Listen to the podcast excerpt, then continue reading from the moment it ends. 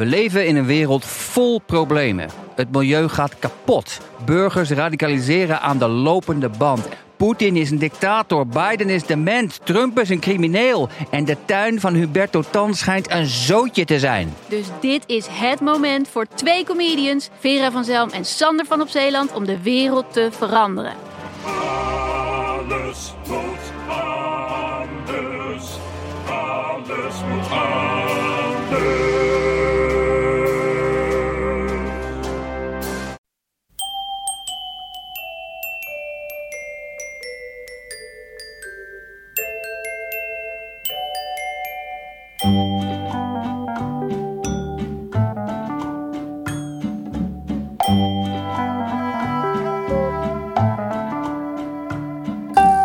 Welkom bij aflevering 215 van Echt Gebeurd. De podcast waarin waargebeurde verhalen worden verteld door de mensen die ze zelf hebben meegemaakt. Maar waarin ook af en toe iemand voorleest uit zijn of haar puberdagboek. In deze aflevering het puberdagboek van Barbara van der Veen.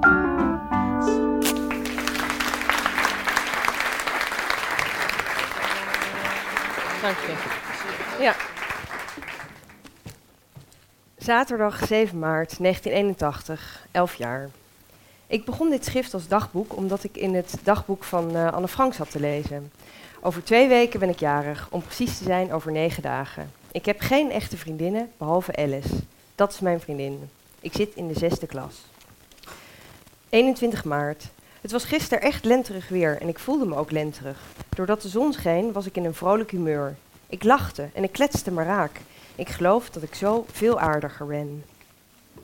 Ik heb per ongeluk in mijn zusjes dagboek gelezen.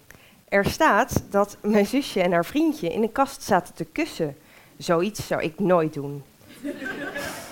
ik ben ook niet knap genoeg, tenminste mama zegt het.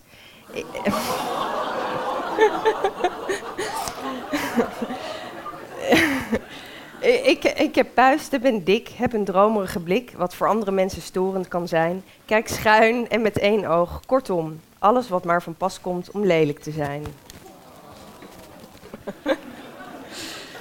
3 april. Oh, had deze dag nooit maar een ochtend gehad. Had iemand deze dag kunnen overslaan. De gebeurtenissen zouden niet zijn gebeurd en de meningen niet zijn gezegd. Alice gaat weg, naar Canada. Ik zonder een vriendin. Ik zou het me niet voor kunnen stellen. Helemaal alleen.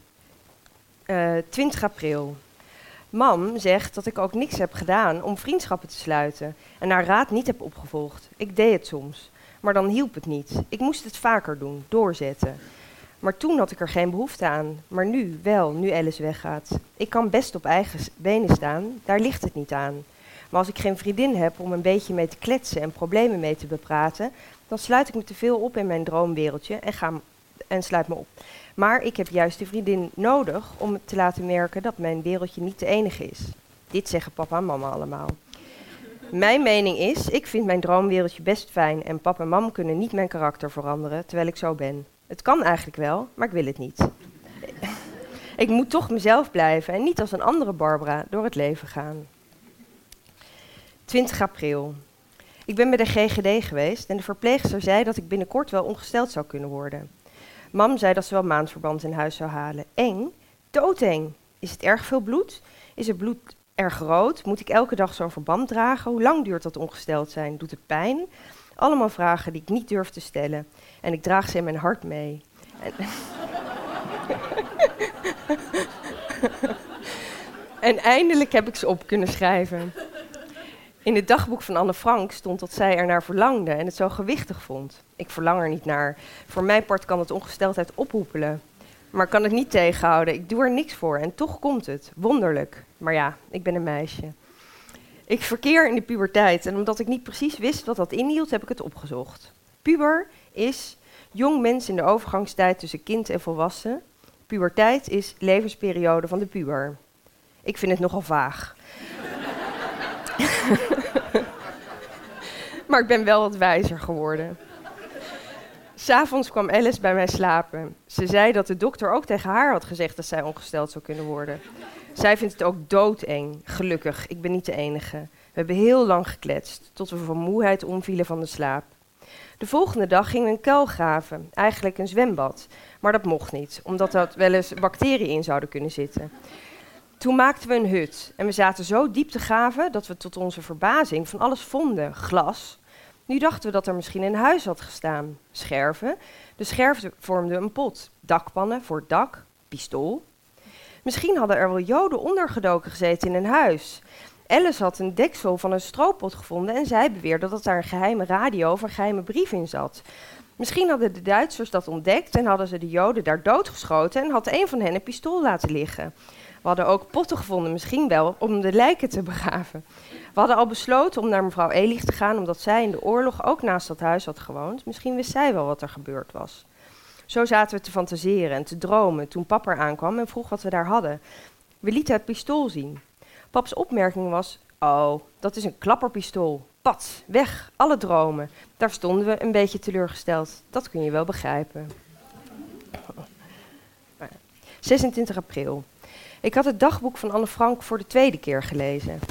Het trof me dieper dan de eerste keer. Ik wou me inleven in de ziel van zo'n onderduiker en als voorbeeld genomen Anne Frank. Ik hou op de een of andere manier van Joden. Misschien ook omdat mijn opa en oma Jood zijn. Zodat ik ook een beetje Joods bloed bezit. Daar ben ik erg trots op. Als ik helemaal Joods was geweest, was ik nog trotser. Op school zeiden ze dat ik op Anne Frank leek. Dat zeiden ze, was ik erg trots op. Omdat Anne Frank stil moest lopen, liep ik ook zachtjes.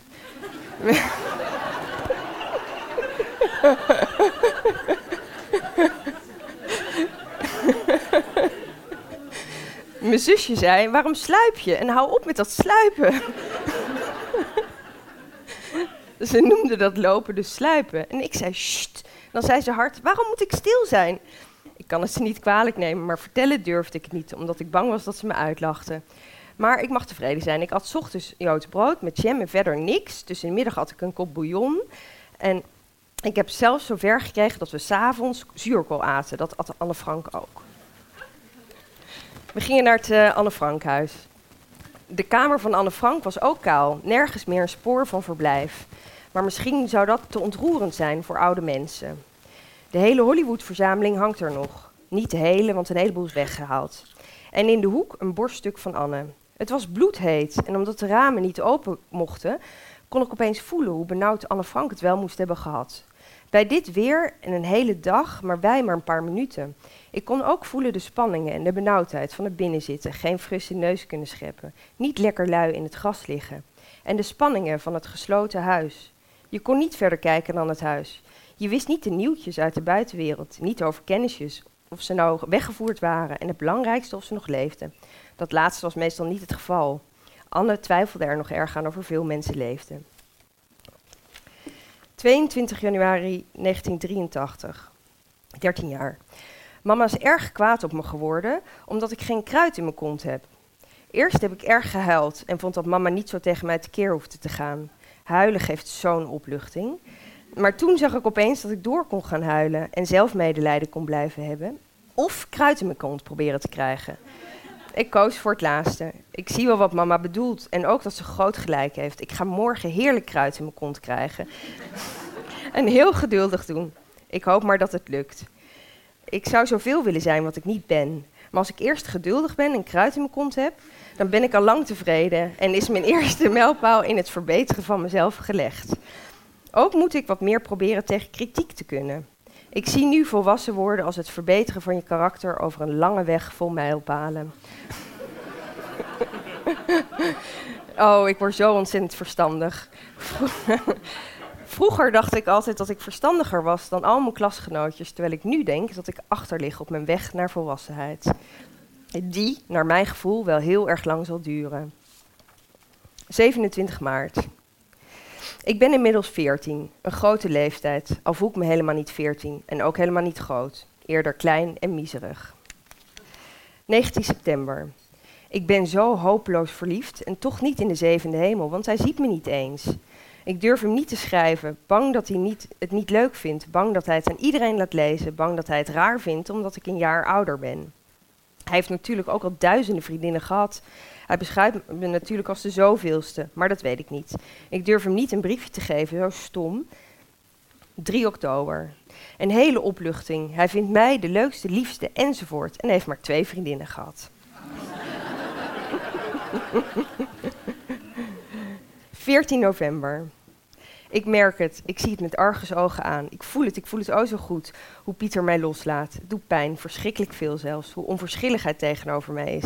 Hoe hij hele dagen mijn brieven in zijn zak laat zitten zonder er ook maar één blik op te werpen.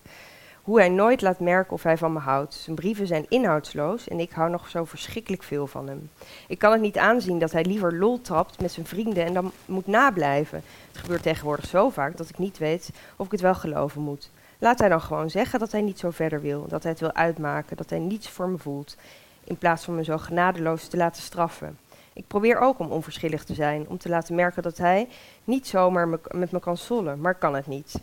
Hij denkt vast dat ik hem achterna loop en dat wil ik juist niet. Dag later, het is uit. 20 november. We bellen. Gelukkig blijven we vrienden. Ik weet dat het nooit meer goed zal komen. Dit schrijf ik nu op om het goed tot me te laten doordringen. Hij gaat gewoon verder. En wordt misschien wel verliefd op uh, Jasmine, die nu de jacht op Pieter weer heeft geopend. Ik had nog hoop, maar na het telefoongesprek niet meer zo. Ik moet ook verder leven, maar dat kan ik niet. God, oh God, oh God. Ben ik tegenwoordig gelovig? Op zo'n zondag heb je zoveel tijd om na te denken. That's the problem. Ik droomde dat ik met hem schaatsen. Dat, dat had ik zo leuk en romantisch gevonden, maar helaas. Anders heb ik altijd precies alles in mijn hersens uitgestippeld. Maar nu is het één warboel. Ik probeer de orde weer te herstellen. Ach, misschien kom ik wel een knap stuk tegen en word ik weer verliefd. En is alles roze geur en maneschijn.